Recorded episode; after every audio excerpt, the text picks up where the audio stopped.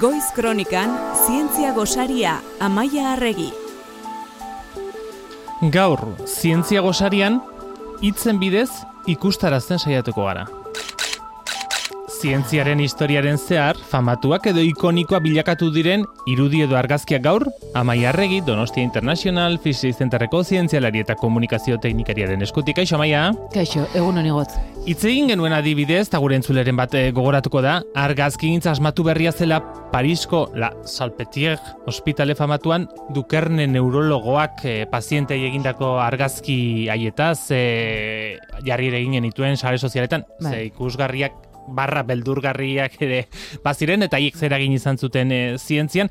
Gaurkoan hoien bidetigoaz, ez? Mugarri izan diren argazki batzuk, eh, irudi batzuk, hautatu Bai, dituzu. oso ikonikoak eta e, zientziaren munduan famatuak diren irudi irudi batzuk aukeratu ditut, noski irudi bakoitzak atzean historio badauka, eta bueno, horri buruz. Eta irudi bakoitza bere garaikoa da. Azteko Hori eta irudiak aipatuta, lehenengo erradiografia hitz egingo dugu. Guretzat gaur egun oso simplea dena, ez? Guzti Bai. digute erradiografia bat eskuan hanken edo dinalakoan. Lehenengoa, Ba, lehenengoa, bueno, X izpiak behar dira, e, egin, radiografia bat egin alizateko, gara jarden ez zekiten e, nondik zen, baina Hamburgon deskubritu ziren X izpiak, e, mila zortziron dela erogeita maostean, rotgenek topatu zituen, eta dirudienez izpi katodikoekin experimentatzen ari zela ikusi zuen emisio odia e, argi ikuskorra tapatzen zuen kartoi batekin estali ezkero, bario platino zianuroz pintatutako paper batean fluoreszentzia eragiten zuela. Brillito bat ikusi zuen hor, eta odia itzaltzen fenomenoa eteten, eteten zela. E, suposatu zuen izpi katodikoek material jakin batzuekin talka egitean, beste erradiazio mota bat sortu behar zuela, papera kartoia edo eta beste metal batzuk zeharkatzeko gaizena. Ekizizpi deitu zien, baina ez zekiten nondik sortzen ziren oraindik ekizizpi horiek. Laizter hartu zen medikuntzan izan zezaken erabilpenaz, baldin eta gorputza bat zeharkatzeko ere gai izango bat ziren, eta segituan bere emaztearekin esperimentu egin zuen. Eta hori da, lehen da irudua ikusten dugu nola erradiografia hortan ateratzen bere emaztearen eskua, Bai, eraztun eta guzti. Eta nahiko ezaguna da, baina nik ez nekien, eba, sei urte geroago bere izan zela e, Nobelsaria jaso zuen lehen biziko fizikaria, mila beratzerun da batean. aurrera ingo dugu denboran, beste irudi bat solbaiko kongresuarena, eta agian izenak ez, baina irudia, irudia zauna da. Bueno, nik izena bideratzen ditu denean kriston grazia egiten dit. Bueno, orain, orain komentatuko dugu. Bai. Bueno, Solbaiko kongresua, e, e, Belgikan egiten den kongresu oso ospetsua da, eta beti punta-puntako zientzalari joaten dira. Baina, mila beratzen dago eta zazpian, historiako zientzalari handienetako batzuk e, elkartu ziren e, bosgarren edizioan. Eta Benjamin Kupri argazkilariak historiara pasaden argazki atera zien, askok zientzaren historiako argazki famatuenak kontxiratzen dutena.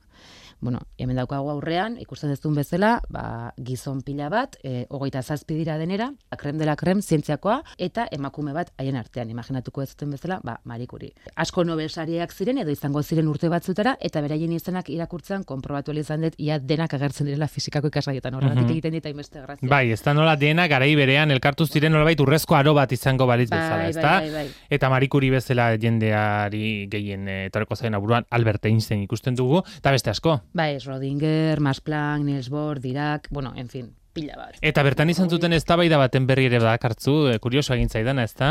Bai, bueno, oso famatua da e, eztabaida hau, ba, bueno, Einstein eta Borrek eztabaida famatua izan zuten Solbaiko kongresuan mekanika kuantikoaren izaera probabilistikoaren inguruan, gara harta mekanika kuanterekoaren e, oinarriak ezartzen ari ziren. Eta bere haiek biak ziren, ba, bere fundatzailetako e, batzu, zientzialari batzuk. Baina bere zeukaten ikuspegia desberdina da. Orduan, Einsteinek badirudi behin da berriz kongresuan zer errepikatzen zuela, e, jainkoak ez du da deukin jokatzen esaldia.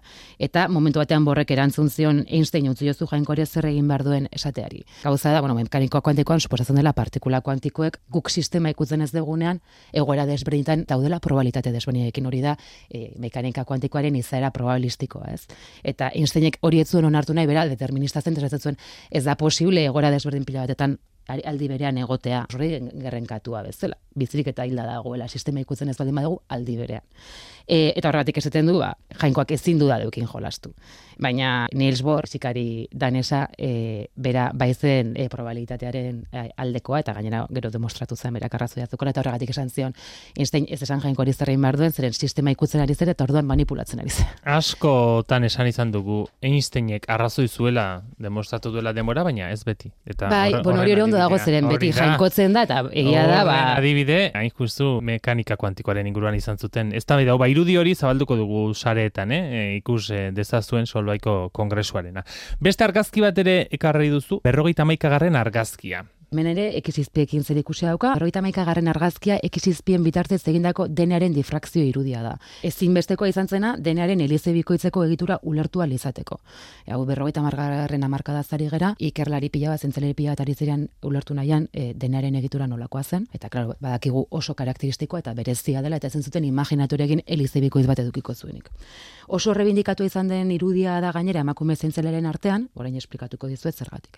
Difrakzio irudi hau, errosalin Frankilen giaritzapen egin zuen bere ikasle Raymond Goslinek. Internetain behiratzen baldin bazute, ba, ikusiko ez dute, ba, zirkulo baten barruan, ekiz itxurako irudi bat igual jendeak ez dakit bai. zer den difrakzioa. Ez da, bere zola oso ikusgarria. Ideia bat egin dezazuen e, difrakzioa erabiltzen da, ba, proteinen, denearen egitura ulertu alizateko egiten dena kristalak egin, guk e, aztertu nahi ditugun egiturekin, eta kristal horietatik argia pasa ondoren, ba, ikusten dugu nola, ba, pantalla batean, edo pareta baten kontra, e, nahi baldin badezu, irudi karakteristikoa sortzen duela. Argiaren eraginez, egitura horrekin zer ikusia duen beste irudi mota bat topatzen da paretean. Mastertesia gai honen inguran egin nuen, eta niri atentzia asko dituzten, zen, klaro, nepetxatzen nuen kristalak, ba, gatza bezala, ba, kristal baten barruan egon zela, sodio eta klorurua ez, ba, nodo desberdinetan, pum, pum, pum, hori dela kristal bat, baina zu kristal bat egin dezakezu proteinekin. Eta nodo bakoitzan proteina bat jarri edo kristal bat egin dezakezu ADN-arekin.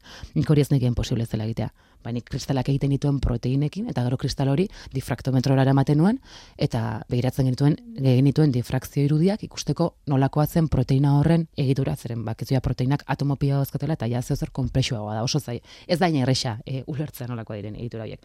Orduan, Rosalind Frankinek e, denaren egitura aztertzeko egiten zituen irudi hauek, eta argiaren difrakzioaren legak erabiliz, laginaren egitura nolakoa zen interpretatzeko gaitzen. Gara hartan imaginatuko ez zuten bezala, pues, ez, ez, ez, ez, nik egin dudanean, baliabideak. Hori da, nik e, programa bat erabiltzen genuen. Osea, ja, irudia sartzen genuen programa eta programak e, ateratzen zizkigun konklusio pila bat. Orduan, karo, difrakzio irudi pila bat egin zituzten, zeren gainera e, teknika eta osa faktori pila bat daude irudiek ondateratzeko edo ez. Orduan eta informazio gehiago eman, pues, orduan eta e, pista gehiago dukiko ditugu gure egiturari buruz. Horregatik, berrogeita maikagarren argazkia. Franklin eta Goslinek e, elkarrekin egin zuten berrogeita maikagarren difrakzio irudia izan zelako. Irudi honetan, ja, azkenean denaren egitura elizebikoetza duela ulertzeko gakoa e, zegoen izkutatuta eta irudi hau erabili zuten e, Watson eta Crickek egitura ulertu alizateko. Berrogeita mailuan Nature aldizkarian argitaratu zuten, ba, DNA molekularen deskribapena. Hortik urte batzutara Nobel sari eman zieten Wilkinsekin batera, baina nola Franklin kristalolografoa lau urte lehenago edo sei urte lehenago hiltzen, ba, berari zuten Nobel saria eman eta beti errebinkatu izan da bere irudia, baina bueno, ezakit bak ez baina Nobel saria ben hilda egon ondoren e, postumo modan ezin da, ezin da. Eta kasu honetan ere, kasualidade edo, emakumea gelditu zela nobesari jaso gabe, ezta? Bai, bai, bai, bai. Bueno, a ber, hilda zegoen ta orduan, baina egia da, bueno, baina oso ezaguna da bera eta oso errebindikatu izan da eta gainere pixkat hemen ere badago esperimentalisten eta teorikoen arteko talka, ez? Osea, ze puntutaraino den importantea bere lana. Zeren, claro, e, irudia ulortzea oso oso zaila zen eta irudia hau gabe bere beste teorikoak ez ziren gai izango egitura hori nolakoa zen ulertzeko. Orduan, eh saritu behar da, pertsona honen lana, nik uste dut noski baietz. Igual eta, ez daude ados. Amaitzeko, eta gerturago etorrita jada, ia gure garaira, puntu urdin zurbila zitzegin nahi dikuzu. Bai. Puntu urdin zurbila irudia, bai ayer e, batak e, hartu zuen karsagan astronomo eta divulgatzaile famaturen enkargoz.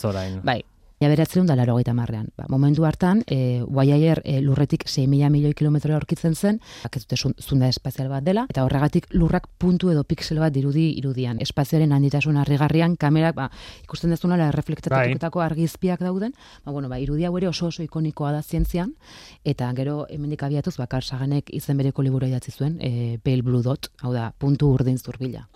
Hori da gure planeta, e, Ba, Hor ikusten den puntutxo bat, Unibersuaren eh, handitasunean. Bai. Eta, gainera, eh, boi aier eh, hau urruntzen eh, ari dela, ez? Bai, bai, bai. Bueno, aitzakerekin, ba, komendatu ezagun. Bai. Bueno, nasak irurogeita mazazpian bidali zuen espaziora, eta bere helburua eguzki sistemaren kanpokaldea eta izarrarteko espazio interestelara aztertzea da, eguzkiaren heliosferatik aratago. Orduan, bere bidaian, ba, zunda Jupiter, Saturno eta honentitan ilargia handienaren ondoti pasazenean, ba, ikerketa garrantzitsuak egin zituen, honen gainazalen eta atmosfera, atmosferaren inguruan argazki pila bat eta bar, eta datu pila bat bildu zituen, baina aldentzen eta aldentzen jarraitu zuen. Eta 2000 eta amabian eguzki sistematik alde egin duen gizakiak sortutako lehenengo objektua izan zen. Osa, gaur egun ja eguzki sistematik kanpo dago, urruntzen jarraitzen du, e, eta noski ez du puntu e, urdin zurbila ikusten, baina e, komunikatzen jarraitzen du nasarekin, eta bueno, ez dakigu noiz arte, baina momentuz jarraitzen du komunikatzen, eta eta esan dugun, ba, espazio interestelar hori aztertzen ari da. Zientziaren historiako lau irudi ekarri dizkigu gaur, amaia arregik, zientzia gosari honetara saretan zabalduko dugu. Irudiren bat, ikusi zentzun nahi baduzu ere. Amaia, eskarik asko. Mila eskarik